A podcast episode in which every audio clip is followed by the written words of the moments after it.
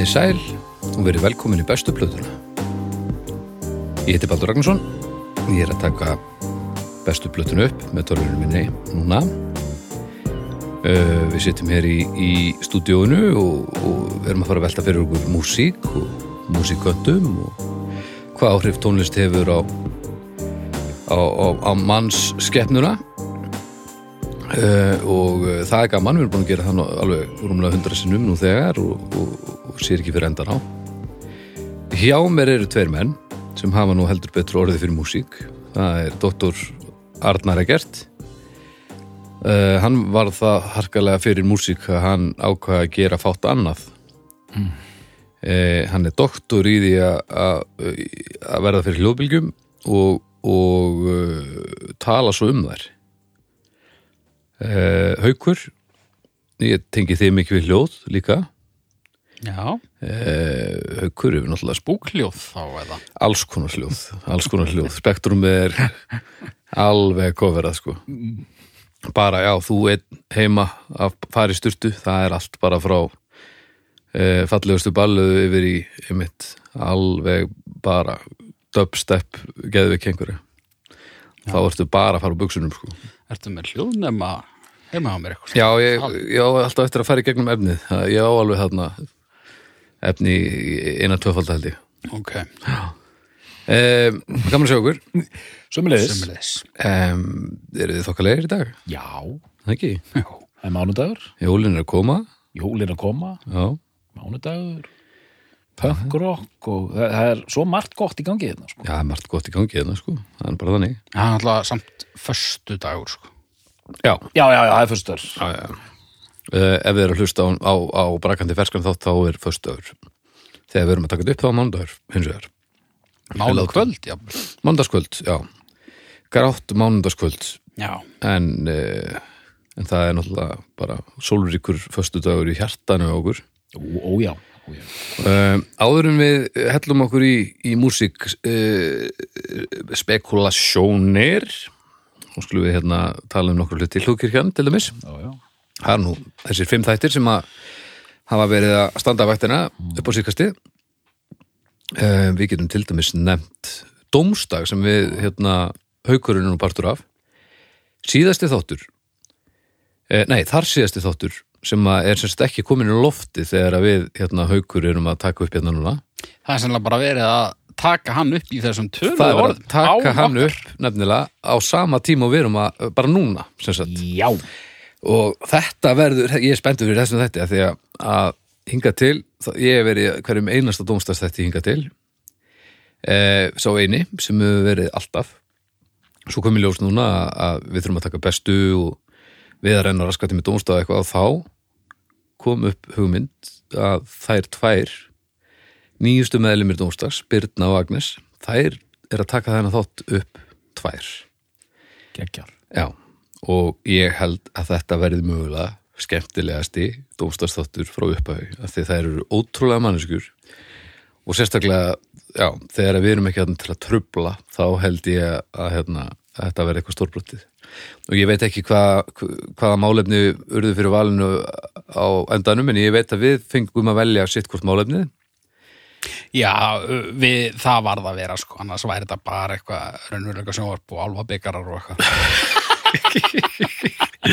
Ég ætla að koma með hérna, málefnið svitalegt og þú komst með Dauðarokk Já. Og ef þið eru hérna fórvitin um að, að heyra hvernig þetta fór allt saman þá er þetta þar síðasti uh, dómstafsþáttur og uh, ég er mjög spenntur sjálfur allavega. Þannig að og dómstafur er venjulega á mánudum en þessi kom uh, líklega á miðvikudags uh, já, rétt eftir miðnætti að fara nótt miðvikudags. Þannig að tekja á því Já, Uh, svo er það kostendur, kostendur okkar uh, bestu plötu kalla. Uh, rocksafnið rocksafnið það er nú safnið sem okkur þykir svo óskaplega vænt um að því að fjallar um nákvæmlega það sem að, að, að við þetta er eitthvað stór partur af lífum hans, tónlist. Nei, og menningin í kringum þetta. Segðu. og pælið í því ef við hefum bara verið upp á barokk tímabilinu eða eitthvað og við hefum held okkur í harkala í, í þann heim. Ha, þá væri við bara alveg hakkaðir hérna með nákvæmlega sum skoðanir og svona jafn hávarir. Og allt í bóði barokk allt í búið barokk nákvæmlega. En hérna, já, og hérna við erum sér sett í sama upptökusessinu núna í síðustu viku. Þannig að við, við haukur höfum ekki enn tekið rótrippið á rocksafnið en, en við þurfum að gera það haukur. Bæði þegar við höfum ekki tekið rótripp lengi Þið getið tekið í hljóðfæri að það við getum gripið hljóðfæri. Og, og við getum aðeins bara svona litið við söguna. Og það væri nú líka, já, kannski getum við bara að, að gera svona, svona krakkaferður úr þessu, sko. Af því að þetta er drullu skemmtilegur staður heimsækja, sko. Og það er líka ótrúlega flott Hendið inn núna.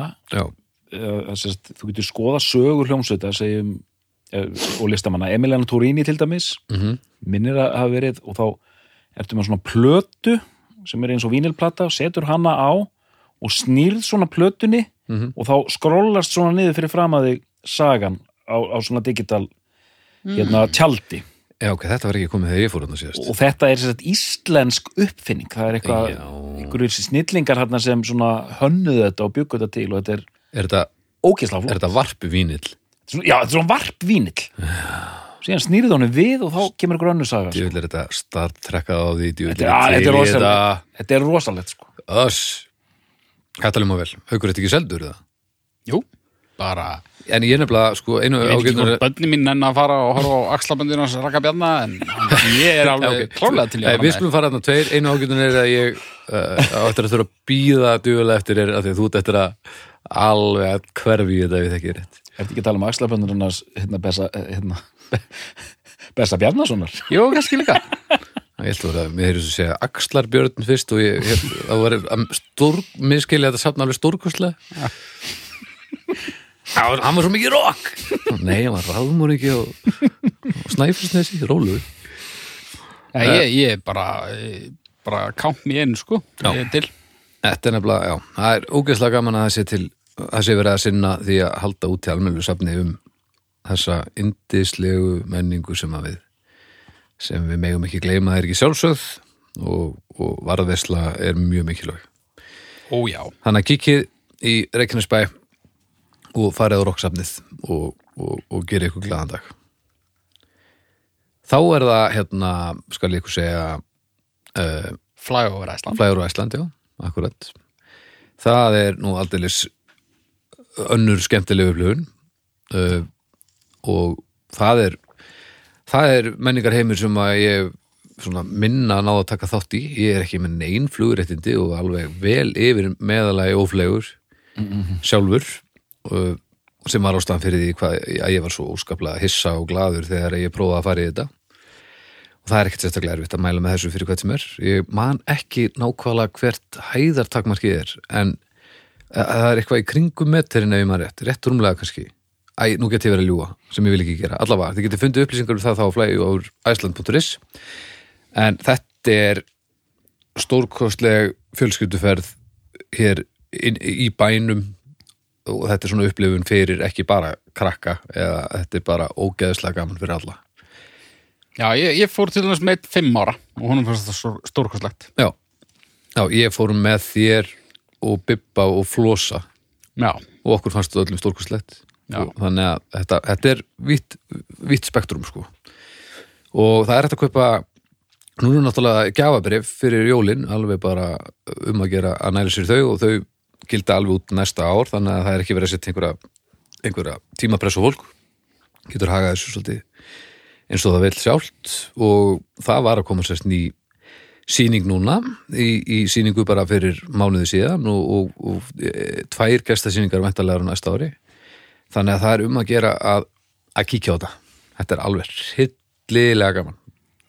Mér fannst það í það mista og ég hef heyrt að, að, fjölmargir aðrir hafa sömu sög að segja. Þannig að, þannig að uh, hætti að hlusta okkur, reyna að samfæra ykkur um hvað þetta er skemmtilegt, farið þið frekar bara prófið þetta, komist það sjálf og, og þá getið þið sagt það sama við aðra.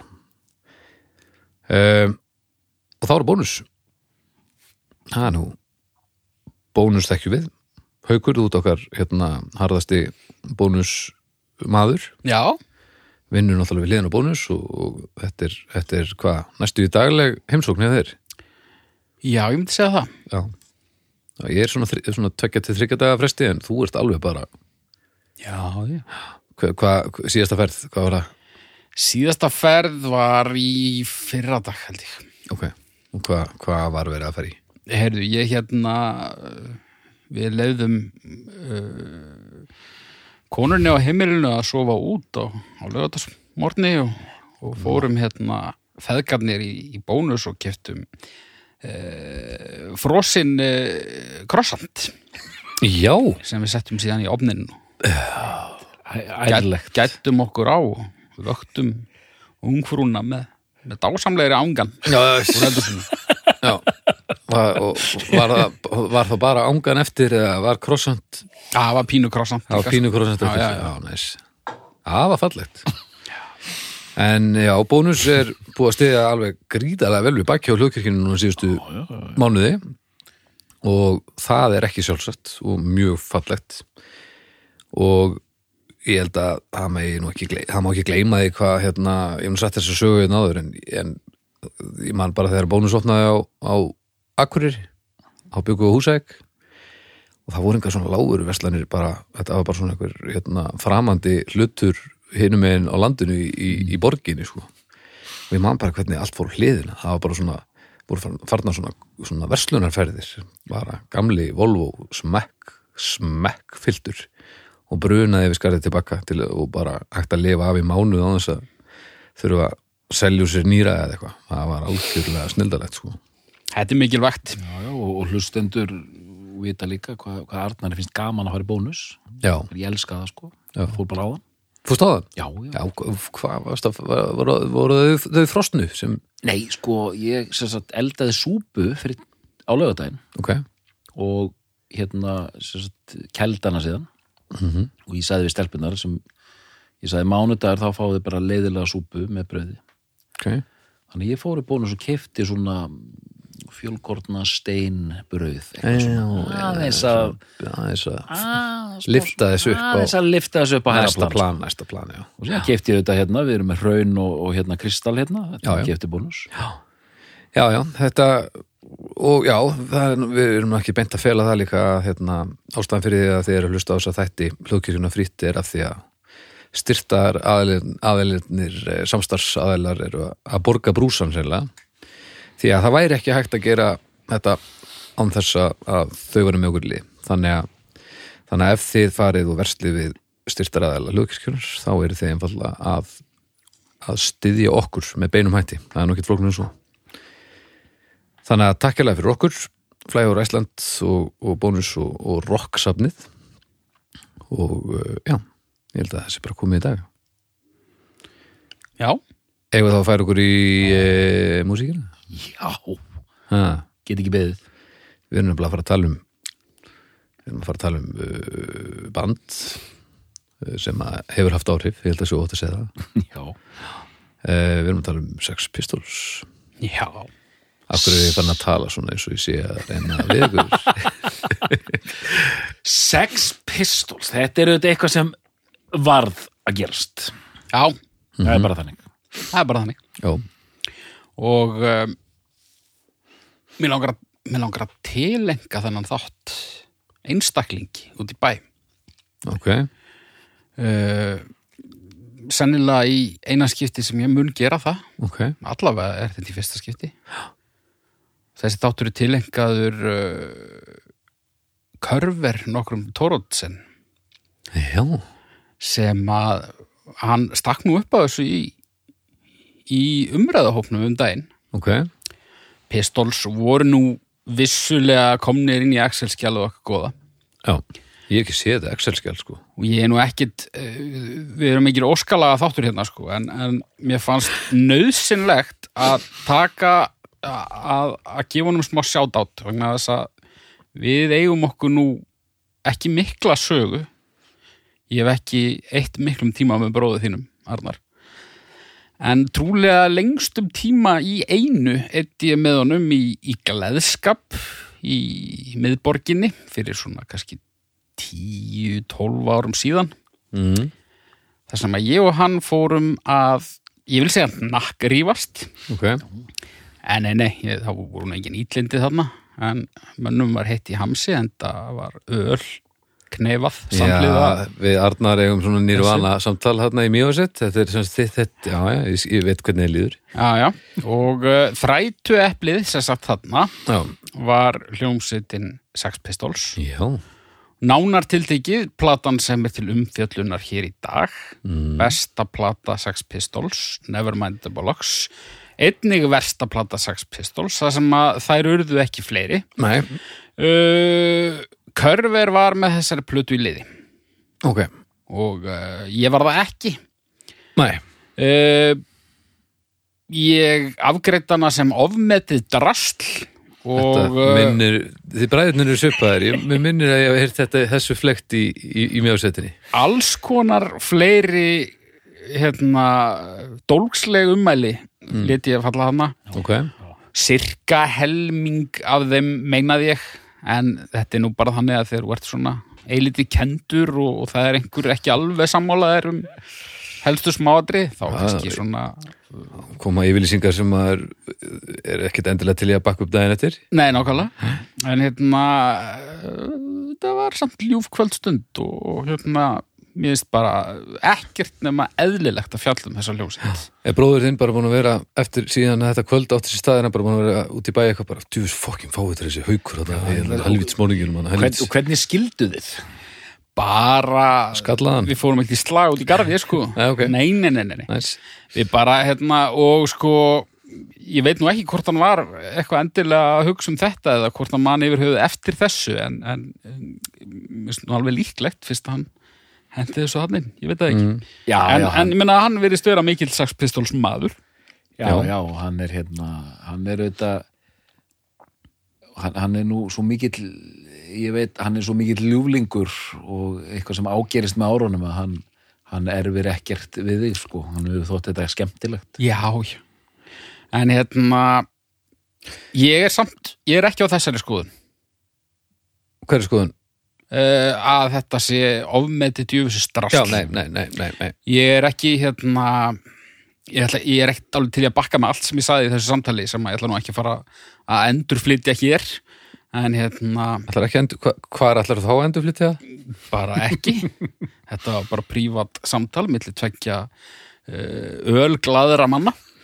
En hérna uh, bæði þá hérna voru sumar yfirlýsingarnar hérna í gríni og, Já. og aðrar svona uh, bara einfallega rángar Já, já, og svo bara er ég búin að hlusta aðeins betur á þessa hljósitt Já, sko Já, þetta er, þetta er mjög skemmtilegur inngangur og mér finnst gaman að hann skildi koma hann inn í, inn í umræðuhópin og, og, hvetja okkur áfram í að taka Sex Pistols fyrir.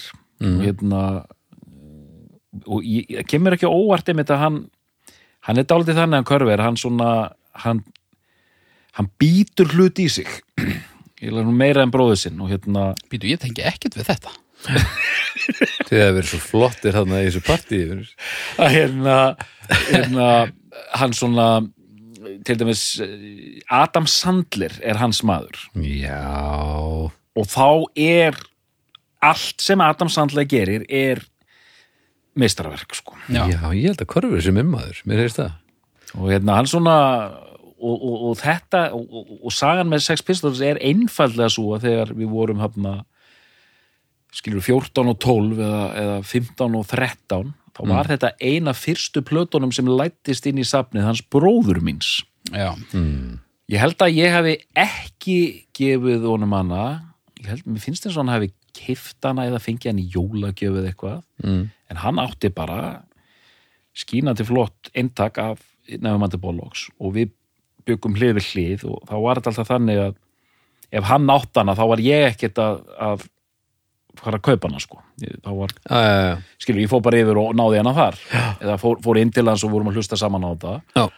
og það var einfaldlega mjög mikið hlusta á þessa plötu og platan var fíluð sko, já, já. hún var alveg fíluð í bótt sko, Það mikið með þetta þannig að þetta er svona þetta er hjartaplata fyrir hann sko já, já. Maður þarf, maður á að vera undanskilin því að þurfa að færa rauk fyrir máli sínu ef, að, ef að þetta er hérna, Þetta er grunnurinn sko. Já, þetta er svona grunnplata hjá honum sko. Já. En herri, hvað segið, þið? hvernig vil ég gera þetta? bara ég ætla að lefa doktornum bara að ráða Hva, hvernig líður þér í dag? Hver kom með þetta? Ég kom með Þú komst með þetta? Já, Já. Um, Mér fannst það eiginlega finnara, kom bara með þetta sjálfur sko. Svo doktorinn sé örgulega skólaður í Pistols Heldur Já, en sko uh, höldum einu til haga samt Já. uh, Ég vissi alveg hvað ég var að tala um þegar ég var að tala um aðeins körver Ég hafði hlust á þessa plötu oft á mörgum sinnum Já, og, og já. hérna þekkti bandið og, og ég heyri þessa plötu kannski í fyrsta skipti svona uh, mid-90s eitthvað slags okay. Já. Uh, þá fekk ef ég mann rétt hann Ingi frændi minn uh, gítarleikari hérna Æjadapt Ingi Eru þið náfrændur? uh, við erum systra sinir Já, já. og hérna eru með sama rauða elementi sem sagt. já, hann fekk þessa plötu í jóla eða amaliskjöf frá einhverju, einhverju skildmenni sem að vissi að hann væri svona í einhverju rocki Negður til eh, svona vaksins Já, já, hún fannst það hundleðilegt og ég tekka á þessu og mér fannst það hundleðilegt líka. En það voru við náttúrulega bara, þú veist, ég hef verið 16 og hann 13 eða eitthvað þetta já, var bara eitthvað svona gömlu kalla sko. já, já, En ladd, hérna- og Laddi var ekki í þessu Laddi var ekki í þessu og þetta var ekki, þú veist, testament eða eitthvað. Nei, nei, nei. Gamaldags. Já, gammaldags Já, já. Mm, okay. en hérna ég hlusta á hana nokkur sem þá svo detti inn á eitthvað svona eh, eitthvað punk áhuga þarna upp úr aldamótum og, og hérna en ég kem svolítið bandaríkja megin inn í það Já, en hérna nú er ég bara að mala Já, já, sko, ég, ég get tekið boltan aðeins, þú vilt, Já. eða ef þið viljið. já, malið var gott samt, sko deilum þessu bróðulega bara Já, já, Vi- Viltu halda áfram mala? já, ég get alveg gert það sko Góttu með meira mal. Sko, þe- ég ætla kannski bara strax í byrjun að segja hvað mér uh, hvað svona kom við kaunin á mér við þessa hljómsveit Já, Mm. já, já. Og ég ætla ekki að telja með þetta þarna, tíunda ára tuga dæmi Nei, nei, nei, nei, þá var er ég náttúrulega bara hérna, vanviti vanviti en sko þegar ég fe- hlusta síðan á þessa plötu í einhverju svona punk samhengi Mhm. Uh, það er náttúrulega ekki rétt hjá mér að, þetta sé ofmetin plata því að bæði er hún skemmtileg Mm. hún sándar mjög vel Já, já. og náttúrulega áhrif Sex Pistols á punkið og, og, og nýbylgjun og allt sem á eftir því vildi Já, það er ekki hægt að, að það er bara ekki hægt að ofmeta það. Nei, þú getur ekki verið að, segja að það sé ekki rétt hins, og ætla að vera til í að fólk hlusta þau nei nákvæmlega. Hins vegar mm. þá er viðkvæðið stundum það eða eins og að sumt fólk vilji meina að þarna hafi pönkið orðið til. Þarna er upphafs og endapunkturinn Mm. og án þeirra hefði bara veist, þetta byrjar beggja vegin beggja hérna Megin. báðum megin við, við Allandshaf Já, uh, ég er handvissum að uh, pönkið hefði orðið til hérna Evrópumegin ef ekki hefði verið Sex Pistols. Mm ég er ekkert vissum að, að hérna, ég veit ekkert hvernig það hefði þróast eða hvenar nei, en hérna en það eru bæði bönd á sama tíma Amerikumegin og svo líka bara önnur bönd fyrr sem að væntalega eða mögulega höfðu einhver áhrif á Sex Pistols. Þetta er ekki alveg þetta er ekki alveg hérna sköpunarsagan, finnst mér. Nei. Hvað, þú ert efinsdóttur Nei, ok, ég, nú, ég vil bara nú vil ég bara fara í þessi fræði sko. hvað, er í, hvað er að koma undan og hvað er, hvað er í gangi á sama tíma hinum enn Býtu vilt að ég rökstiði eitthvað sem ég segi? Ég hrætti bara að væntu það en ég er ekki að gera Ég meina Ramóns. Ramóns. Ég sko já, já, tökum við það. Ég ætla að segja sko ég held, ég ætla fyrst að segja það að hérna, þetta, er rétt sem hérna haukur er að segja. Uppreist næru, vel gert Já. sko, þetta er rétt sem haukur er að að segja. að hluta. Já, það er svona, þú veist, ég held einmitt að punkið orðið til án Sex Pistols en, en ég held að ástæðan fyrir því að svo margir einhvern veginn fara að Sex Pistols sérstaklega þeir sem eru kannski ekki á kafi punki að þetta er það band sem náða að verða langmesta þetta er svona íkonískasta bandið. Já, Þetta er Mötli Krú já, þetta er svona Já. Þegar sko, þegar ég er að kenna þessum 20 krökkum núna í, í HÍ ég segi bara, þetta er nafn sem fólk þekkir, hefur Já. heyrt já, Já. Sex Pistols og þú veist, hárið út í loftið og, og hérna og svo mikið af svona táknum sem er einhvern megin hægt að rekja til þessa bands allt af því var komið svo sem áður hjá hinum og þessum en þetta er band sko einhvern veginn algjörlega í miðjunni. Ég, ég, ég, ég geti að hendi hérna fram og, og ég vil fá mótmæli að þetta sé svona algerast á að einhver luti mikilvægasta pönkljónstætt allra tíma í einhvers konar sögulegu tilliti bara að þetta er tákn fyrir þetta allt saman. Bara að negla hva, menninguna? En, Já, já, allt sem kom á eftir og var að gerast þarna hjá fleiri hljónsöndum með Sex Pistols. Já, og, og bara svona fókusa það sem var búið að vera að gerast í það sem að þetta verður. Þetta, Já. er, þetta er aiming. Þetta er, já, þegar þú sér Johnny Rotten upp á sviði hann er hann er svona punk söngvarinn. Eða aimun uh, Sid Vicious ennþá meiri kannski svona, þú veist, þetta er eins og gerist með Kurt Cobain og fleiri, að þetta verður svona já, já, Jim Morrison, uh, Kurt Cobain Sid Vicious, það er svona svipuð element í gangi, John Lennon jafnir líka. Þetta verða svona algjörir al, algjör það er til íslenskt orðið yfir þetta, þetta er notaði mannfræðinni mikið, það íkon. Góða sögn. Góða sögn, svona Skurðgóðadir skurðgóða dýrkun, já. Þetta er, er rétt hjá raukur já, Janis og, og en, en, en sagan er auðvitað, því við vorum að tala um Kiss hérna um daginn, hérna í rauninu byrjar þetta í bandaríkjunum Já, að hérna, og þá er pönkið meira svona listrænt, það er hérna Patti Smith, Mm. Television Mm.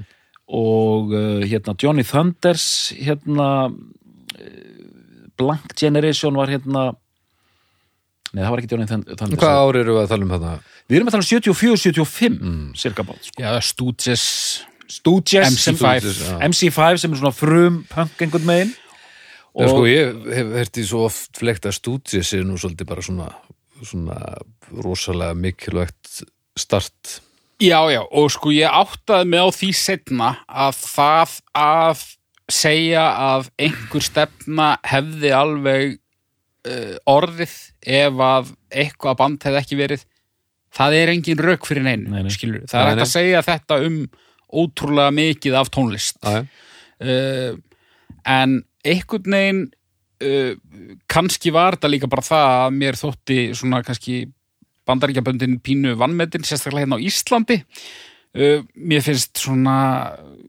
íslenska pöngsenan sem kom hérna upp úr 1980 mér finnst hún rosalega rosalega svona einblína á breska leggin sko mm.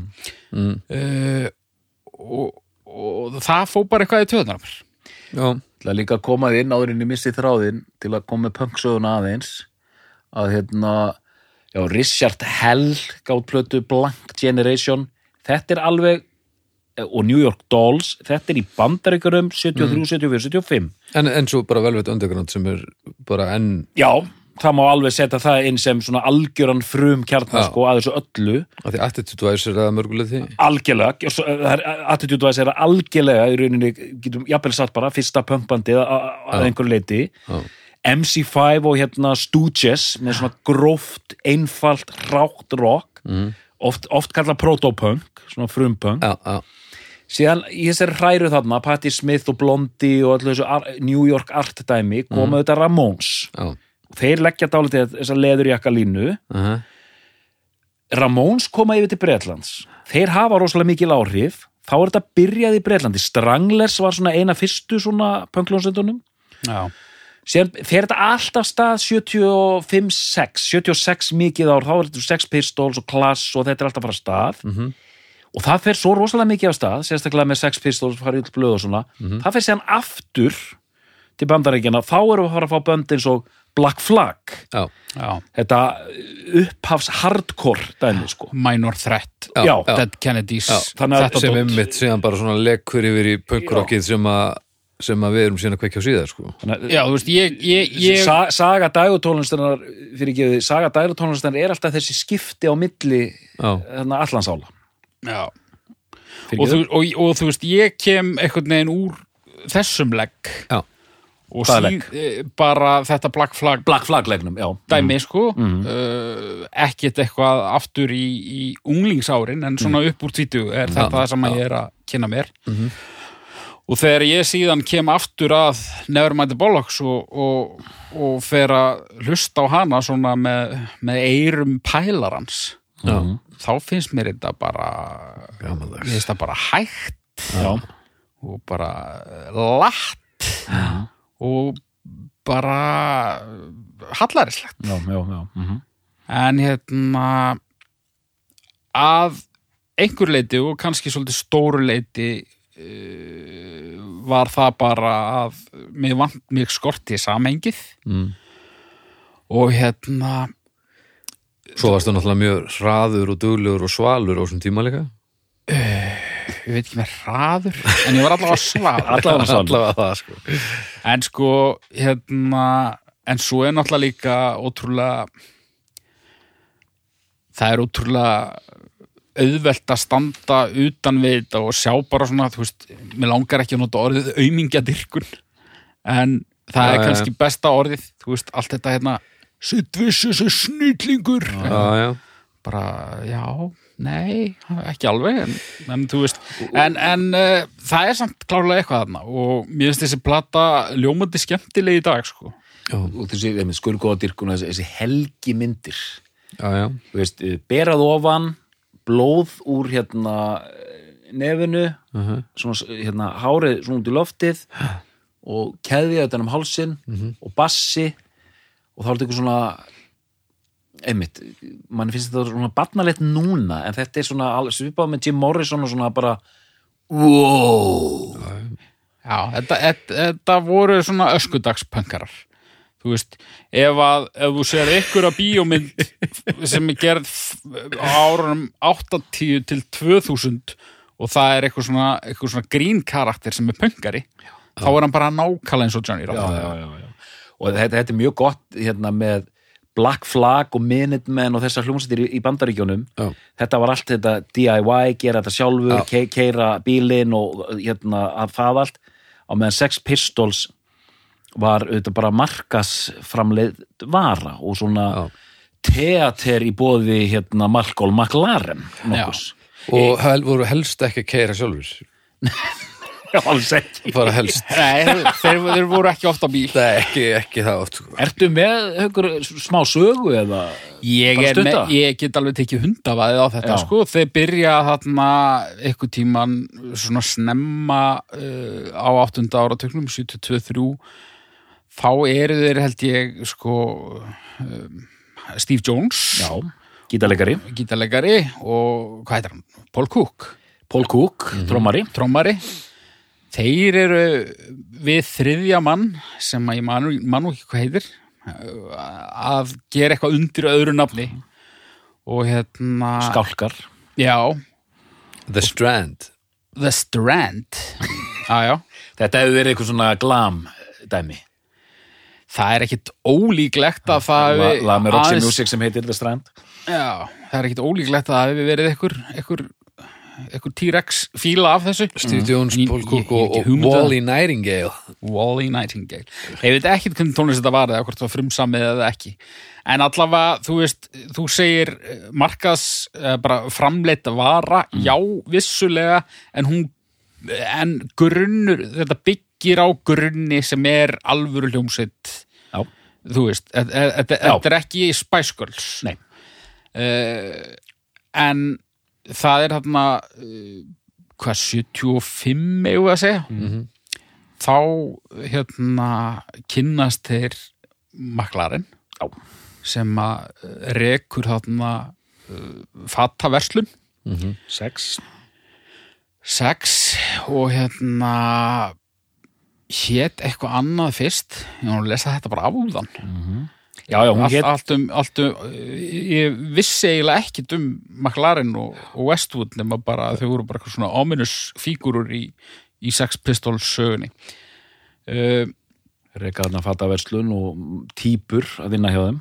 Já, og hann svona, ég veit ekki hvort hann byrjar- verður umbúðsmaður þeirra eða hvað, en hann svona bara eitthvað neginn tekur þá bara svona svolítið í gegn og, og kennir þeim bara hvernig á að vera og þú veist, þetta er það sem er að gerast í Ameríku og hann hafði sjálfur verið eitthvað í New York og séð, New York Dolls. séð þess að frumpunk bylgið þar og kemur tilbaka og, og, og hann bara svona steipir þá í, í þetta mót sitt sem að er hérna og, og fær inn nýjan mann sem er hérna Glenn Matlock, já, glemum honum ekki. Bassalegari já, hann var ekki með þeim í strand held ég. Kemur hann inn með maklarinn eða fyrir hans tilstilli? Segjum það bara. Já, já, það verður engin brjálæður þarna úti nema mögulega bróðin Já. og þá ræði þetta bara á, á jóladag. The Strandur líka kallaði stundum The Swankers. The Swankers. Það, það, er, það er, þeir eru komnir að það, Matlock og Cook og Jones og þá þarf söngvara. Þá þarf söngara og hérna hún bendir á uh, hún bendir, hún ætlaði skilst mér að benda á Sid Vicious sem heitir réttu nafni John eitthvað. Já, hún Vivian Westwood fata hönnur og, og, og þáverandi spúsa maklarens Mm. hún segir honum að hann ætti nú kannski að tala við hennar John hann, strákin, hann er svolítið flottur sem kemur stundum í búðina.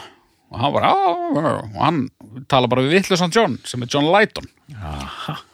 Og hann er ráðinn inn í bandið og hún bara, hei, ég var reyndar að tala um þennan gæja. Og, og, þá, og hann er ráðinn síðar. Ég veit ekki alveg nákvæmlega hversu miklu síðar. Og hann söng lægið 18, I'm 18 með hérna Alice Cooper í pröfunni. Já, já, að pröfa og allt. Já, já, já, já, og ok. hann bara, og, prófa alla leiður hann bara og, og gerði vel. Hvor? Hérna John Lighton, Johnny Rotten. Já, Johnny Rotten. Og hérna og þú veist, hann, hann er fenginn hann inn uh, í rauninni meira bara út af því að hann lúkkar sko. Hann er bara með appelsinu gult eða grænt hár allt út í loftið og, og hræðilega tannhyrðu og allur pakkin og í þessum fræga ból e, var labbað á einhverju lestastöð í Pink Floyd ból og hann var sjálfur búinn að tússa I hate Pink. Floyd. Æ, og þá var þetta þegar punki kemur eh, Pink Floyd og allt þetta sem kom fyrir Genesis og Jethro Tull voru bara risaðlur og það átti bara að móka öll út. Þú voru þeir ekki tölmenn? Nei, þetta kemur mér á mikið óvart. Ég er mjög sár að ég er svo mikið tölmaður. Tölmenn? Það er fallet orð. Þannig tölmenn. Um, og já, eh, eh, þú veist ár núl átti bara hérna, clean slate og það allt sko. Og Já. þú veist við fyrir ekki langt í það en þú veist pólitíkin og allt þetta og atvinnuleysið og la la la la þetta stiður allt við þessa þróun.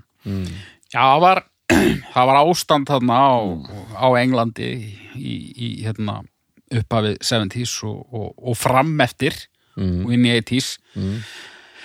atvinnuleysi og vonleysi og þetta er það sér hann inn ekkert tímann. Jú, jú, 79 og hérna svona ekkert alltaf frábært allstaðar alltaf Nei. þannig að það var, það var alveg jarðvegur fyrir svona. Já, en hérna hljómsveitin er svona samsett í byrjun svona uh, pródúserað útgáfan af þessu. Það er Lydon uh, Paul Cook Glenn Matlock á bassa og, og Steve Jones á gítar. Og þeir byrja bara að spila live og, og valda usla og áhrifin er eitthvað sem við hérna þrýr getum ekki ímyndað okkur sko, þeir fara til dæmis og spila í Manchester þar sem voru mættir hundra hræður Mm. og nánast allir í, í salnum stopnuðu hljómsveit í kjölfarið sko. já, já, já, já. allar þessi hljómsveit Buzzcocks og Joy Division og hérna The Fall og allt þetta dótari Já. Simply Red allt þetta eða, hvað- The Frantic Elevators sem var hérna fyrir hennari hérna Simply Red allt þetta var stopnað eftir eitt gig Sex Pistols þannig að sjá þá sviði var greinilega algjör vitrun fyrir fólk já, já. og var Mick Högnal bara, oh my god Já. ég ætla ekki að vera svona var það vitrunin bara, já, en, en, en, já, en hljómsveitir hérna The Frantic Elevators og það, það er meira sér til útgáfa af hérna Holding Back the Years með Frantic Elevators Aha. Holding Back the Years og er það punk. Já, bara svona aðeins grófari útgáfa, sko. djúvöld væri ég til í að heyra Johnny Rotten syngja það lag Holding back the years. En, En hérna, allavega, þeir bara, það er sviðinjörð það er sviðin í örð og það er verið að hérna þetta er nú kannski meira en þegar Sid Vicious kemur Jú, jú. það er verið að berja á krátinu og, og, Já, já, hérna alls konar Hætta í loftinu. Hætta, já, nákvæmlega, hætta í loftu en það er svona einhvern veginn uh, þú veist, þremenningarnir hérna Matlock, Cook og, og Jones þeir eru svona þeir eru í hljómsett og vilja gera músík og, og jú, jú, vissulega þeir eru uppreisnangjarnir ungir menn. Fylgir þessu ákveðin lífstíl, vissulega. Já, en þeir eru náttúrulega á þessum tímapunkti bara snáðar í snjónum í samanburði við eh, Læton. Sem er bara algjört skadræði og, og hérna og hann eiginlega var einn helsti stuðningsmaður þess að reka Matlock Mhm. og fá sitt vissus inn, fá annan svona brjálaðing já. Sem að gerist bara ári eftir að hann var á þeim hvað, 57, nei hérna nei, 57, hérna 70 uh, hvernig kemur hann 77 inn hérna? Hann kemur hann ekki 76 76, það ekki? Ég held það. Eitthvað svo liðs Sko Nevermind the Bollocks er hljóðrituð þarna uh, nokkur lög 76, 76, jú. og, og nokkur 77 Já, ég held að ég held að, að hérna Vissus hafi verið í hljómsveitinni í báðum sessónum þó að Glenn Matlock hafi spilað á bassa í einhverjum lögum já, já. Sko, það er bara sko, Sitt Vicious er bara í einu lagi á plötunni uh, ég held að vera tveimur, er hann í einu? Já, hann er allavega í Holidays in the Sun Já, er hann ekki í Bodies? Kanski, ég bara þór ekki að fara með það Æ, ekki En, en En Mat, Matlock tekur Mat- 2-3 og, og. Steve Jones er rest Já. Það eru þrýr bassalegarar á þessari plötu og sko hérna bara eineig útafsrækja geti spilað þessar bassalínur. En það þurftu þrýr Ok. menna. Þetta er komment kvöldsins. Ég ætla að pakka saman og fara heim. Það þarf ekkert meira. Þetta, þetta, veit veit ekki af hverju ég segi þetta. Þetta virkaði. Ég, ég grísaði á, á fyndi dýr sko. E- Einegð úthafsrækja Þetta þarf að fara á ból, beint á ból hérna, Mörd Einegð úthafsrækja hefði getað spilað bassan, bassan betur Já, ég hefði átt að segja ein hend sko. En hérna, ok. Eineigð En byrja, já, Jones sér eiginlega um megnið að bassalum Já. já. uh, svo Já. skilst mér. En þú veist að flottur bassa, flottur bassa hljómur líka á plötur og platan hljómar rosa vel. Já, já. hún er svona, þú veist oft eru þessar punk þessi punkbönd gömlu bæði þessi bresku og þessi bandarísku. Það skiptir eiginlega litlu máli hvort þetta eru góðar punksveitir eða lélegar. Það er sánda voðalega sjaldan svona kraftmikið Nei. á plasti. Mm. þú veist, sándar ekkert allt vel og auðvitað áið ekkert að sánda eins og, þú veist, eitthvað stíl í dani eða eitthvað. En, en stundum verður sándið bara svona aumt. En þarna er það alveg þetta þetta er alveg svona, svona kjötað rocksánd Og, og þetta hefur trublað marga svona punk hérna hvað hefur að kalla punk hreinstefnu fólk segir bara platan er of mikið rock. Það er ekki nægilega mikið punk þetta er of mikið rock. Já, Mm. sem er svona, getur við talað um það betur þegar við förum meira inn í plötuna en það er bara svona, þetta bara nei, ja, þetta er ekkert punk þetta er bara rock. Og En ég meina, mér finnst svolítið fyndið, sko. þú ert með distortaða gítara þú ert með, þú veist hérna, eitthvað manna berja á sett þú ert með eitthvað geltandi vitleysing í frontinum. Mm. uh, þú veist, öll punk sound elementin er þarna, er ekki bara það var eitthvað sem kunni til verka Já, sem mixaði og masteraði? Chris Thomas sem hérna það er bara góðar upptökur og, og þær eru bara full unnar.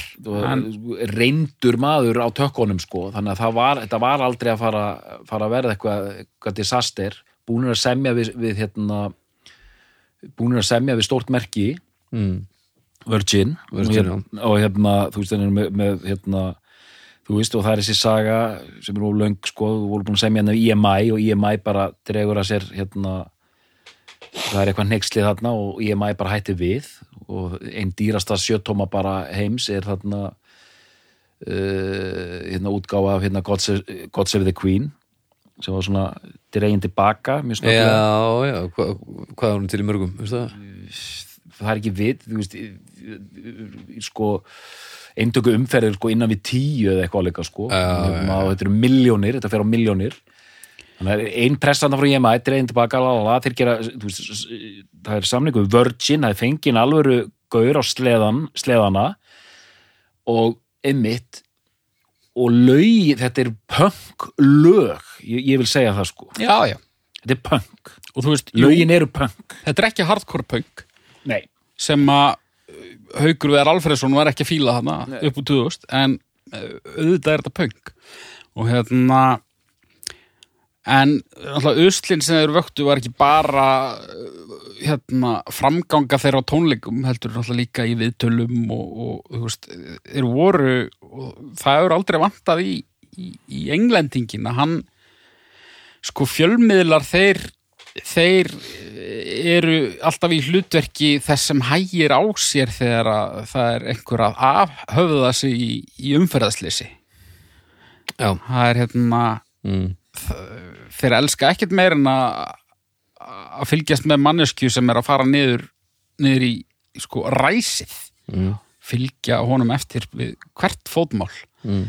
og hljóðast þessu Sex Pistols sem að var ódregnanlega viðtölum og, og gerði allskins óskunda. Þetta var bara forsýðu fóður bara dag eftir dag.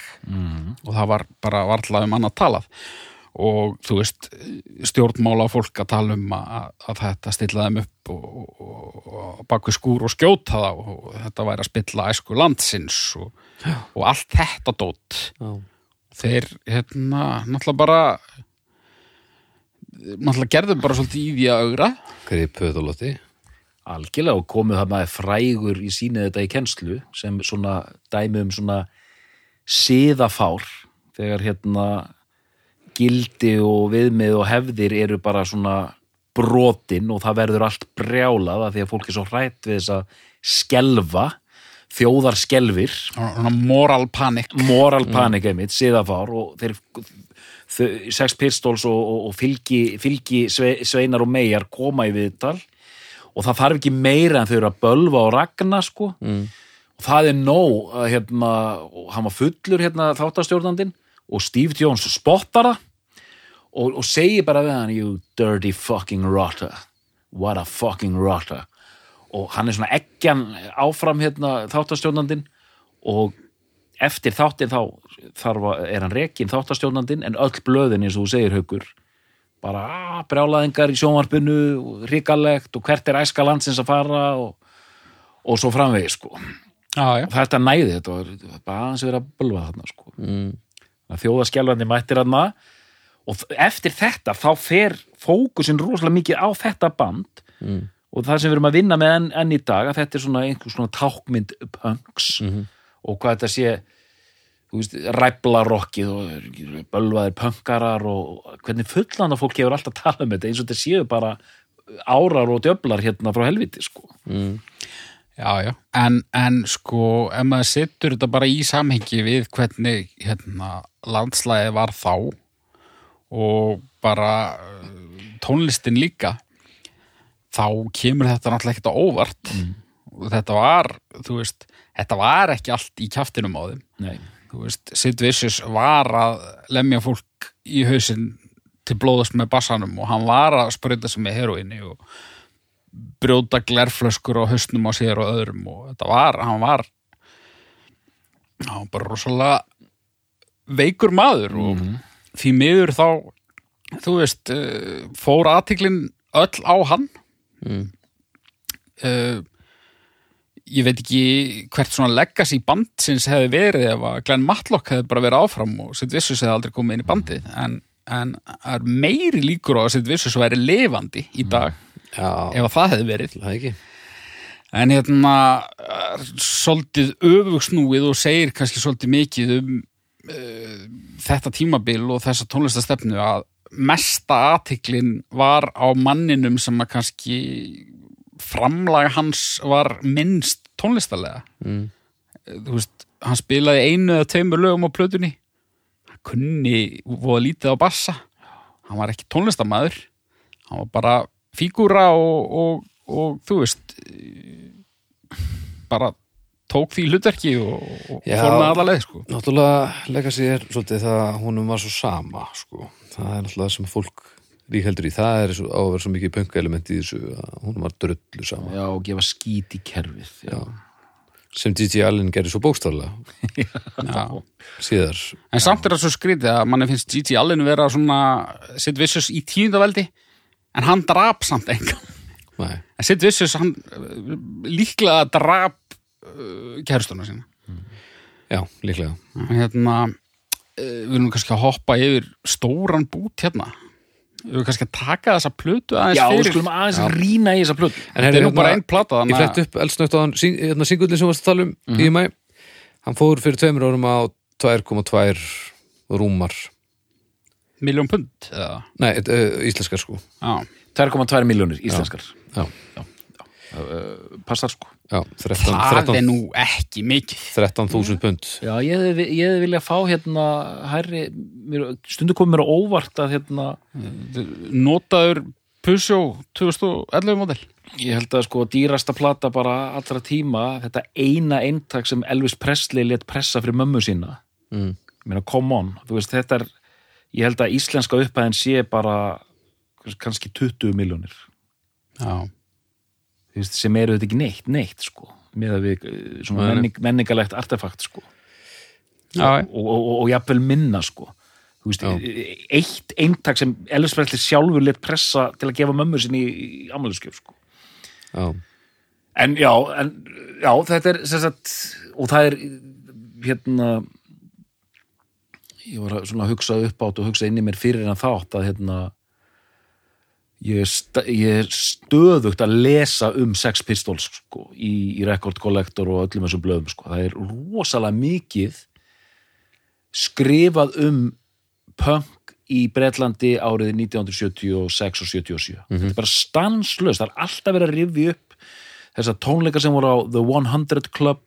Það er alltaf verið að rifja upp þessar hljónsætti sem voru hann í kring aftur og aftur og aftur gera heimildamindir þetta er alveg endalust flæði. Það það er aldrei skrif, þú veist magnið af skrifum um stutt tímabil, þetta er alveg svakalegt sko. já, fólk er bara með þetta á heilanum sko. það eru bara tvö árið eitthvað.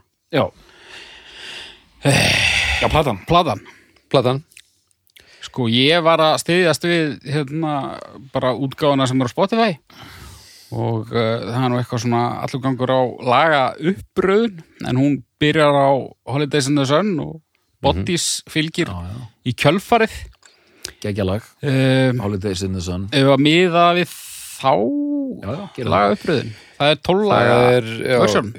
UK edition. 12 laga. Já, uh, veit ekki hvort það sé einhver munur á henni og, og jú, eitthvað, eitthvað smá svissir í hérna á, á bandarísku síðan. Já, tökum UK það er flott. Já, það er að the Sun. Bara geðvett lag. Stórkostlegt lag, frábært uppáðslag og bara ótrúlega grípandi og skemmtilegt og var síðasta lagi sem var hérna keirt inn á plötuna. Já, Það er alveg magnað sko, maður heyrir pínu soundmun á lögunum þessum elstu upptökum. En hann er ekkit uh, hann er ekki þannig að hann brjóti heldar hljómin eitthvað allt og mikið upp sko. Og þannig er þessi Það er alveg heldar sound á plötunni. Já, algjörlega sko. Og, hérna, og bara þessi riff, þú veist.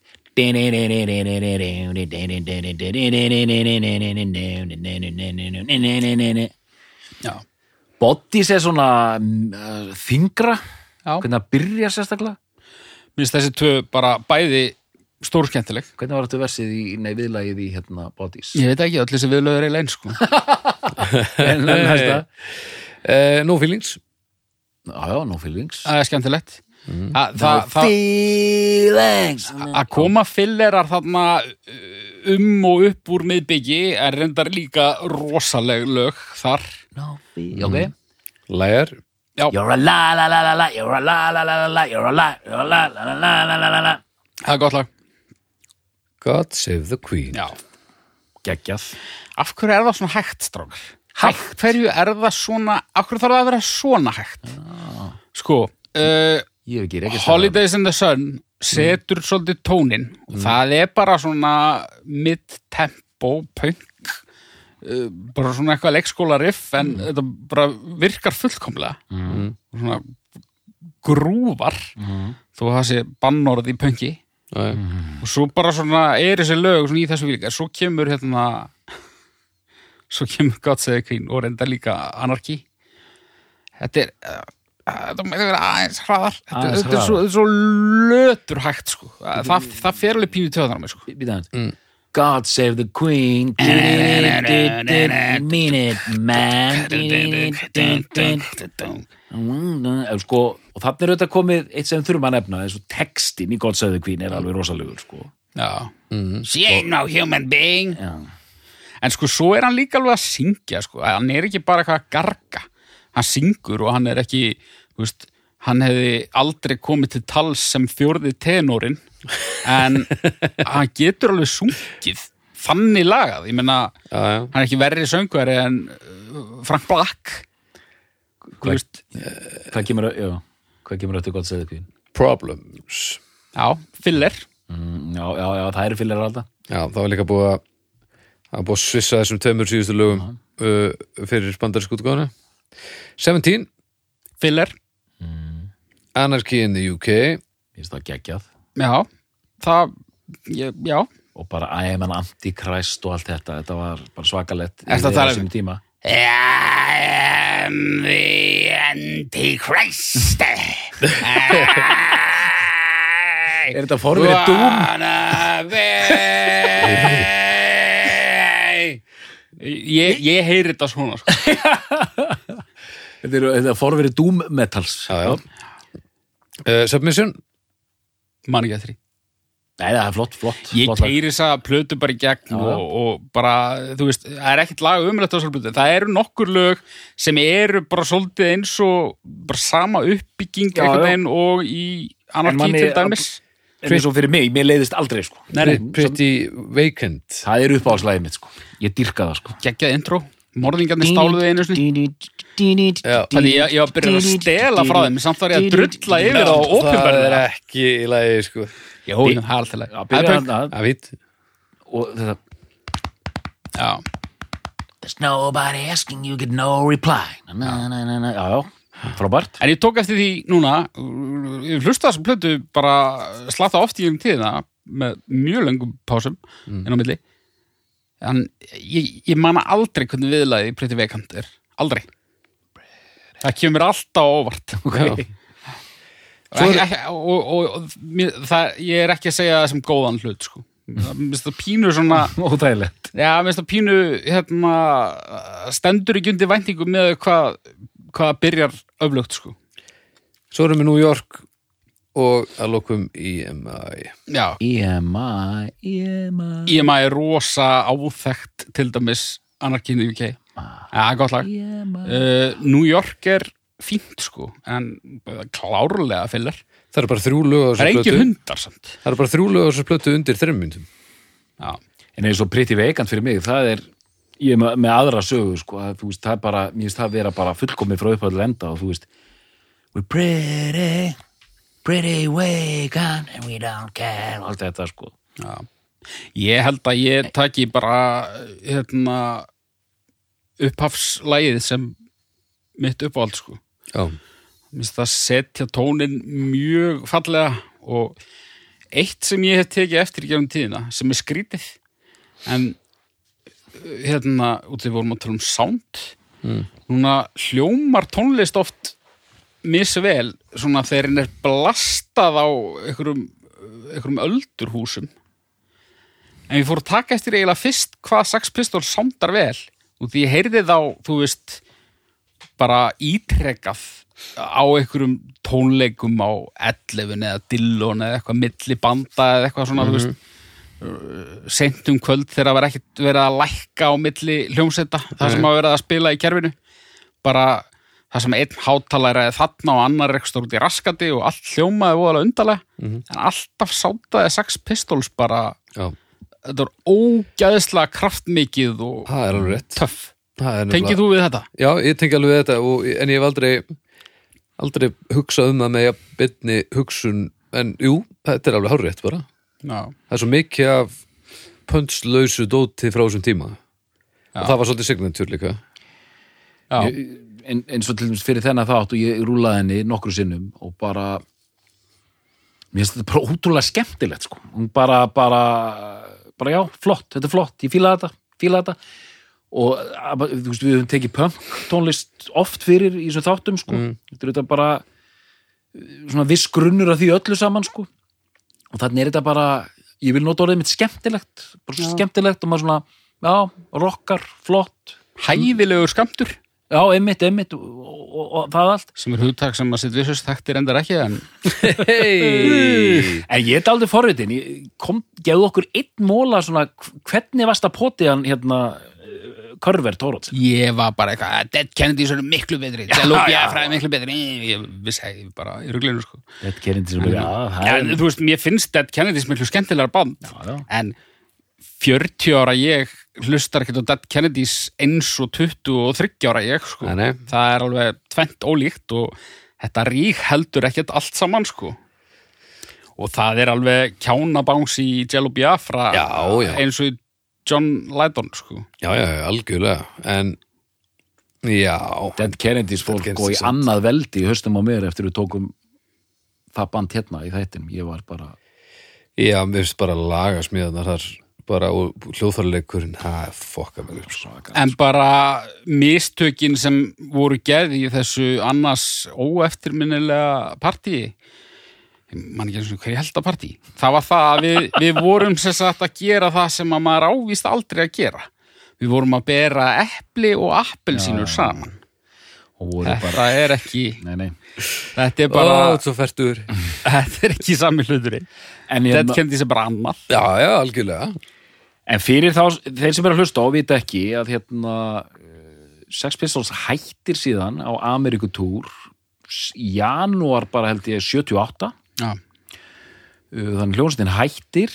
Tóku túr um söðrið já, McLaren bókaði bara eitthvað svona redneck bari Já. bara í von um að það eruðu stimpingar. Stimpingar, já. Sem Já, sko, eftir bandið þá stopnar uh, John Lydon hérna, Public Image Limited. PIL. Ekki algalinn hljónsett nei, alls ekki. Og hérna önnur plata þeirra sveitar hérna kölluð hérna annarkort Metal Box eða Second Edition kölluð Metal Box að því hún var gefin út í svona filmuboxi kringóttu þetta, margir vilja kalla þetta fyrstu post-punk plötuna eða síð-punk plötuna. Já, hún er allavega skráð postpunk hérna á, á Viki. Og þarna Experimental Rock. Dub, oh my god og þarna eru þeir að vinna með þetta er svona eins og kan, þetta er svona pínu, jafnvel mikið svona krautrock, það er hérna naumhyggju, bassi og sjöminúntna lög og svona lúpur sko, djavúbúl hafna og bassa. Þannig að hann fer í alltaf ráttur innu John Lydon. Já, og, en síðan kom út ein plata með Sex Pistols sem var svona eftir sem heitir The Great Rock'n'Roll Swindle mhm. sem er svona samtíningur af alls konar dótar í einhverjir badnakórar að syngja Sex Pistols lög og, og hefna einhvað tvö gömul Sex Pistols og svona og bara, bara þú kannast við þessa plötu, ég kannast við hana. Ég, ég eh, hef eitthvað tíma hlustað á hana og ég er svona, ég er bara intro-skannaði hana Já. fyrir þennan þátt út af því að ég vildi ekkert vera að flækja málin Nei. um of. Nei, þetta er náttúrulega ekki eiginleg hljóðarsplata alls ekki. Og ég held sveimir þá ég hef verið að hlusta á þetta í fyrsta skipti bara fyrir þennan þátt, þetta er bara svona hérna Flogging a Dead Horse pæling sko, já. það kom líka plata sem heitir Flogging a Dead Horse. Já, Já, hérna, árið síðar. já, og bara það er bara ma- makla að að, að, að, reyna að meika einhvern pening en sem sagt Mjólka. hljómsveitin kom út einni hljóðversplötu. Og það er hérna nefnandi bálóks en ég meina Flocking a Dead Horse er bara fullkomin eh, fullkomna lýsandi titill fyrir það sem hljóðversplata 2 held ég að hefði orðið. Ég held að þessi hljómsveit hún átti að hætta þarna. Já, já, já Ég held ekki- að bara þetta hefði aldrei haldið nema bara þeir hefði farið að gera eitthvað pínu annað, þú veist. Hún er pínu einhæf, þeir Já. komast upp með það Já, já, og já. þetta heldur alveg og þetta er skemmtilegt. En önnur plata sem hefði verið svipið, ég held bara með að við hvað þessi plata, bílið reysa plata hún hefði bara aldrei orðið annað en vombriði Nei, og þannig Glenn Matlock líka komin úr bandinu þannig að, og, og það sem Malcolm McLaren hafði áhuga á hann var bara að spila á hann var svona, fjölmilað voru svona hans hljóðfæri, sko. Hann var mest að pæli að búa bara til einhverjar já, búa til einhver læti, sko. og búið til eitthvað bíómyndir. Búa hann vildi gera eitthvað Sax Pistols bíómynd sem að var byrjað á og eitthvað Russ Meyer og Roger Ebert voru komnir inn í mixið og eitthvað, ég var að lesa þetta bara áðan. Já, já, þetta var en síðan sko við þarna, við vorum aðeins ég og bróðum minn vorum að hlusta á þetta svona 89-90 já, og hérna og eins og þessi, þetta er svona hjartaplata eina, eina fyrstu plötunum sem kemur bara inn á heimilið skemmtilegt punk rock og við bara voða æstir sko. Og síðan horfðum við nokkru sinnum á hann að setja Nancy bíómyndina. Aldrei séð það og það svona ítti líka okkur fannst þetta voða töff og, og spennandi og flott sko. Hún er, hún er bara fín sko. Þetta Gary Oldman leikur hérna sitt og hérna Courtney Love er með smá svona cameo ról hann.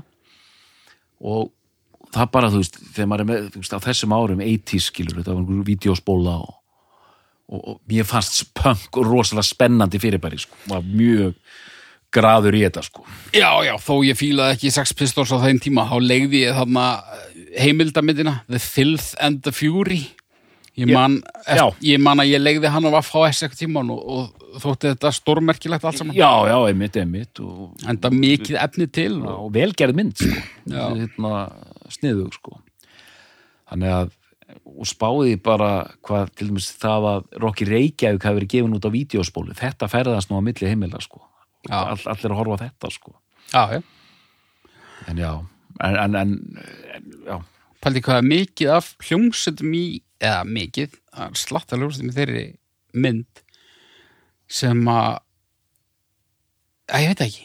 Er ekki, það er eitthvað böndarna sem væru bara varla til heimildir um eða það væri ekki myndinni Nei, það voru hljómsveiti starfandi sem fóru ekki í myndinni og er, þær eru einhvern veginn glimtar mm. síðan bara nokkur bönn sem voru vildi svo til að komast inn í myndina. Og gáðu svo kannski bara út eina söttommu eða eina spólu eða já, já, eitthvað svo liður sko. Og hérna þannig að, já, það er merkilegt sko. Hvernig, hvað, hvernig, hvaða saga er sögð? Hvað, hvað fer inn og hvað ekki sko.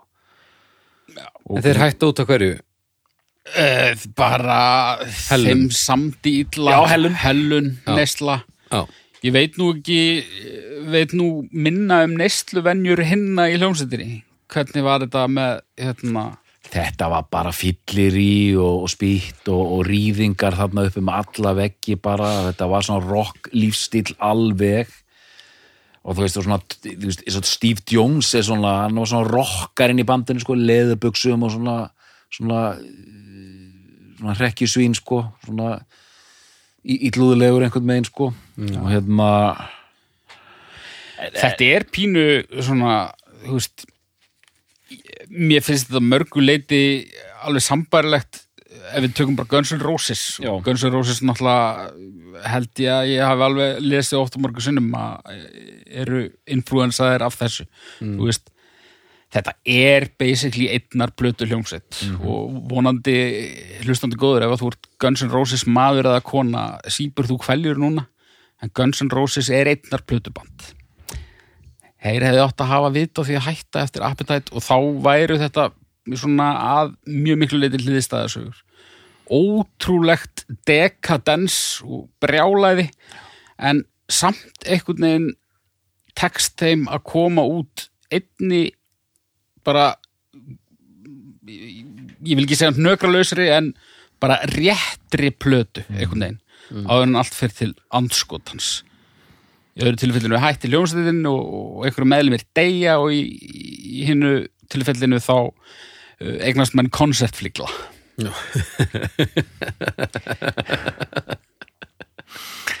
hérna, en hvað finnst ykkur um þú veist, eins og ég segi, ég get satt við nefndum mín á Sex Pistols, þau hafa ekki heyrt tón en þau, þau vita alveg nákvæmlega hvað þetta er sko. já En vitaðu nákvæmlega hvað þetta er? Eða vitaðu þetta er til? já, já, það er bara þau, þau, þau, þau hafa heyrt, þau hafa séð þetta nafn Sex Pistols, punk Já það er ekkert víst að það hafa heyrt punk tónlist nokkur, nokkur sem Þetta er svolítið, ég nefnilega, þetta er svolítið tekúara við erum náttúrulega ekki búin að minnast orðið á þetta íkoníska cover sem hann náttúrulega bara hefur ferðast mun víðar heldur en platan sjálf. Já, já, þú veist, þú getur örgulega keft nefnum bændi bollocks ból bara í Target eða eitthvað. Tjeku og vera einmitt, Þetta er, þetta er markaðsetning á einhverjum fígurum í einhverju samhengi já, sem fólk þekkir en svo er það sem er á bakveða aðeins hulið eh, nema þú sækist eftir því sko. svona upprunaleg merking er bara fyrir Já. glötuð sko. Þetta, er Og- bara, þetta er bara mynd já, þetta er bara svona út uppreistnar segur og svo er ekkert pælt meir í því hvað var, hvað var sé að brasa sko. Og Já, var, ég, og líka eins og með tjea, ég held að þetta fyrir mörgum er þetta bara andlita manni ég held að þau viti ekkert hvað maður þetta er lengur sko. Er já, bara, fyrir mörgum er þetta bara andlit einhvers konar uppreistnar já, og en svo náttúrulega skiptir máli hverslas uppreistin það er sko og hvernig þetta er allt saman gert og Ég, ég, ég er bara að spá hvort það sé hægt að taka þetta enn lengra þetta sé bara andlit sem þú ert bara farin að kannast við í einhvers konar já, já, já, það bara sé bara ég. bólur og, og það er andlit af manni já, það er svolítið cool. Já, já, alveg hygglust sko. Og ég meina þetta er líka bara einhvern veginn svona blúprintið fyrir þennan pöngara það er svona einhver eitthvað, eitthvað samsuða úr Rotten og, og Vicious. Mm og svo bara 15 ári setna, 20 ári setna ertu bara með Keith Flint skilur já, já. Já, og þú veist, þetta er bara þetta er, þetta er sama dæmið einhvern veginn. sama væp en hérna, er, er, er, er þetta eins og er kannski aðeins öðru ég ætla að segja Lemmy sem svona holdgerfingur rockarans hann er þetta með geðveika innistæðu tónlistalega innistæðu. Já, þannig að það er kannski ekki sambarilega nei, hann sagði nokkuð tímann við sitt það er sitt bara um að kenna sér að spila bassa því að hann, hann gæti ekki spila, hann kynni ekki á bassa. Og einu sem Lemmi var, sagði bara I know. Bara, eh, til að kenna mér á bassa? Ég, ég kann ekki á bassa. I know. Bara endir. Elsku Lemmi hann, hann eitthvað ekki frekar orðum nei, nei, bara, Nei, nei. ég veit hann kann ekki að spila bassa nenni maður líka eitthvað að tala við sitt vissu sko. ég held ekki nenni maður eitthvað að fá hann eitthvað heim og fara yfir eitthvað tabs Ég Ég veit myndi ekki það ekki. því, sko. Nei, ég ætla að mann skilst að það hafi ekki alltaf verið smooth sailing, sko Nei. en ég meina að hann deyr hann bara rétt rúmlega títur þannig að þú veist og ég vil líka nefna eitt með sitt svona, svo við höfum allt í mixinu og þeir sem er að hlusta að hérna uh, að því ég lesið svolítið mikið um það hvernig hann var, hann var bara einhver sakleysingi, bara einhver strákur til í allt hérna og bara svona virkur og, og, og þú veist, alveg í byrjun þegar hann er bara tónleikagestur og er bara svona hanga. La la la la la og svona gúti gæi og allir lýsónum sem svona indislugur og saklur strengur eitthvað svona en síðan auðvitað tekur eitthvað annað yfir. Það er auðvitað geðveika neysla og það allt sko. Pító ert í dæmi sem endaði verð já, enda, já, Pete Doherty dæmi sem bara enda verð og og aðteglin maður. Aðtiklin einmitt sem gerir þið bara svona síðlausan bara með tímanum. Þannig að ert að það rofnar bara einhver tenging þarna á, tí- á einhverju punkti. Og, og því fór sem fór sko. það sé svolítið sagan. Gerist hratt, þetta eru bara tvö ára eða eitthvað já, Hvað er hann, 21? Eða? Já, eitthvað Já, Það er lítið, sko það er lítið sko. lítið sko og, og rosalegt köld í kringum þetta dæmi sko. Já. alveg rosalegt sko.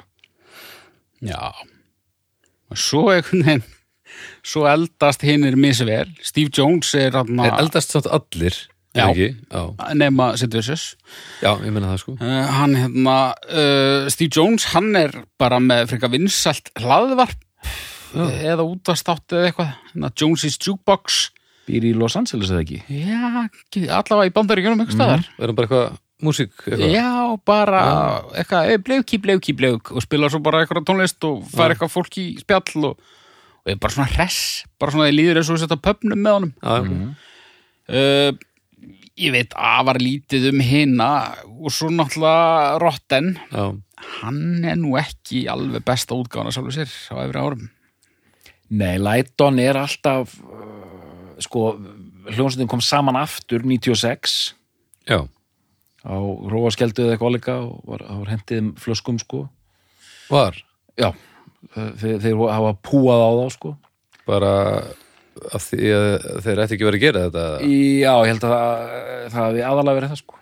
Já, það var ekkert eitthvað svona að vera að sverta minningu látins félaga eða bara Mm, Ég held að það hafi verið að sverta minningu sjálfur ykkar. Ég held að það hafi verið útgangspunktur sagt já og, og án þess að nenni þessu sko allavega Læton, hann nefndi þessu held ég ekki. Já, og hann hefur nefnt voða litlu. Og nú eru Lighton og hini tveir Jones og hérna Paul Cook eru í svona laga rimmu, ekki þeirri fyrstu ekki þeirri fyrstu. Já, já, já, já. Það er að koma, já, þeir eru ekki að semja heldur þeir eru í málaferlum. Þeir eru í Já, málaferð þeir eru ekki að semja ný lög. Al, nei, nei, já, já, já. Lagarimma geti alveg verið. Já, við tókum hérna langa helgi það var lagarimma hérna heima á Rotten. Það er svona það er að koma út einhverju þættir um hérna Sex Pistols. Já, sjónstættir og átt að not, nota lög með Sex Pistols í þáttunum og ég held að, Það voru allir til í það. Nei, ég held að Lighton hafi stoppað. Nú, já, en hann er bara þú veist, og kom til Íslands hann um daginn. hann er bara trömpari og vittlisingur sko. Er en hann hann er hann er, ég fæ alltaf svona krútt herping í, í, í mallan þegar að ég les viðtölu við hann þar sem hann er að tala um kona sína. Hún er, er hún ekki með Alzheimer eða Parkinson eða eitthvað Mm. Og hann bara annast hana og það er bara það sem hann gerir. Já, já, og bara hann er ekkit of góðu til þess og hann bara elskar hana rosalega mikið og vill bara uh, ég man ekki hann kom fram í einhverjum svona fíblalegum raunveruleika þætti Já, bara eitthvað, Dancing with the Stars eða eitthvað, eitthvað Já, þannig. I'm, I'm, a, I'm a celebrity help me get out of here. Já, get me out of here. Og hann var spurði bara akkur gerir þetta? Og hann bara, þú veist, kona mín hún er bara alveg út á túni og bara ég vissi það ef að ég myndi plantinni fyrir fram á sjónvarpið og hún myndi sjá mig hann eitthvað já. svo fíbla þá myndi hún hlæja og vera glöð. Þannig að hann er hann er ekki en satan sko. Nei, nei. en hérna hann, já, hann er voða eitthvað svona hann er eitthvað pínu Er hann, sorglegur sko. er hann að er rembast við að, að viðhalda sérst, punkmagninu sem hann bjó yfir á yngri árum eða bara þekkir hann ekki annað eða er hann bara svona? Er hann bara svona mikill ég, ég, sko, ég, verð að taka undir það sem Hauku segir að mér hefur fundist hann koma illa út í einhverjum viðtölum og uppákomum þar sem hann er einmitt að reyna að haldi eitthvað ég er orginal pöngari Já. og, og þetta er bara svona eh, þetta er ekki flott sko. og þú veist þess vegna held ég hann sé trömpari það er bara út í að hann veit að það kallar fram einhver viðbröð og þú veist og þetta, er þetta viljandi semst haldi að reyna að stuða það var eitt það var eitthvað svona sammenkomst þar sem var sko hann og einhverjir fleiri fígur, einhverjir úr Ramones og, og já, einhver svona já, ég 5-6 man eftir því, svona gamlir pönkarar mættir og hann var blindfullur og röflaði og, og, og, og, og eitthvað svona. Og þetta var bara hann var algjörlega úr takti sko, og kom ekkert vel út sko, hinn voru svona að reyna að halda einhverju fókus og hann var alveg út að skýta sko. Já. og bara, og, og en það, þetta er þetta allt setti fréttinnar bara. Já. Johnny Rotten, sama heikarshornið, þú veist, eitthvað svona sko. En þrennt á hann skild, skild löst Mm. þessa ljómandi fínu rockblötu Uh -huh. Hann er virðist vera fyrirtaks uh, einmaður Já. og hann var farin að kalla Jimmy Savile barnanýðing bara sent 70s sko. Já, já, já, já. svona cirka 25 árum áður en að uh, restin af heiminum rankaði við sér með það. Já. ófeiminu að benda á. Já, Já, já, hann, hefur stundu komið bara vel út með kjaftin sko.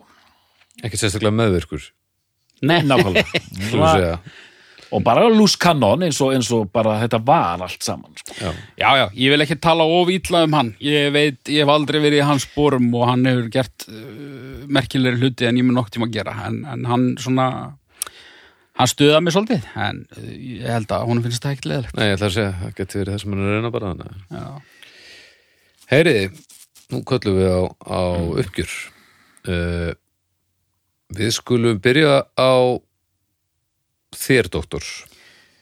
Já, Nevermind the Bollocks eina hljóðversplata Sex Pistols plata sem ég er bara mjög hrifin af. Ég setja hana nú ekki ofta á fónin en það eru lög á þessar plötu sem maður heyrir. Þetta er nánast komið í svona gott ef maður heyrði þetta ekki bara svona gullbylgjun eða eitthvað sko. þetta er svona mér, Já, bara sko, já, Ret, Retro. Retro, retro. Það er svona, singlanir hann eru bara algjört svona einhvers konar ve- vegfóður uh, mér, mér er alltaf þótt svolítið hjákátlegt einmitt hafa komið svona pönkarar sem er alltaf að segja einmitt að hún sé ekki nógu pönkuð þetta sé ómikið rock. Finnst það svolítið kjánalegt. Og mér langar að henda burt öllu svona voru þeir pönk, voru þeir ekki pönk var þetta markast þetta og markast sitt sem rock plata pönk rock plata og finnst mér nú bara mjög skemmtileg og, og bara og bara mikið stuð og bara einn af svona hortsteinum punk menningar eða hvaða akademiska dúsk sem vilja setja á þetta bara, bara frábært sko. bara bara meira á þetta Akademiska dúska. Þetta, þetta, þetta, er, þetta eru tvö orð sem ég hef aldrei heyrt liður þetta er frasa þáttur maður. Þetta er frasa þáttur, þetta er komið hérna einegða úthásrækjan og akademisku dúskanir Þetta er bara Já, þetta er gott. Haukur, Já uh, Kæri Körver. Þú hafðir rétt fyrir þér að mörguleiti Þetta er skemmtileg plata. Og, og eitt var alveg laugrétt og ég er nú ekki einu sinni vissum að ég hafi mótmælt því að, að sko Sex Pistols er náttúrulega áhrifa meiri hljómsveit í alla staði heldur en um, mínir ástkæru Dead Kennedys. Um það verður ekki rifist.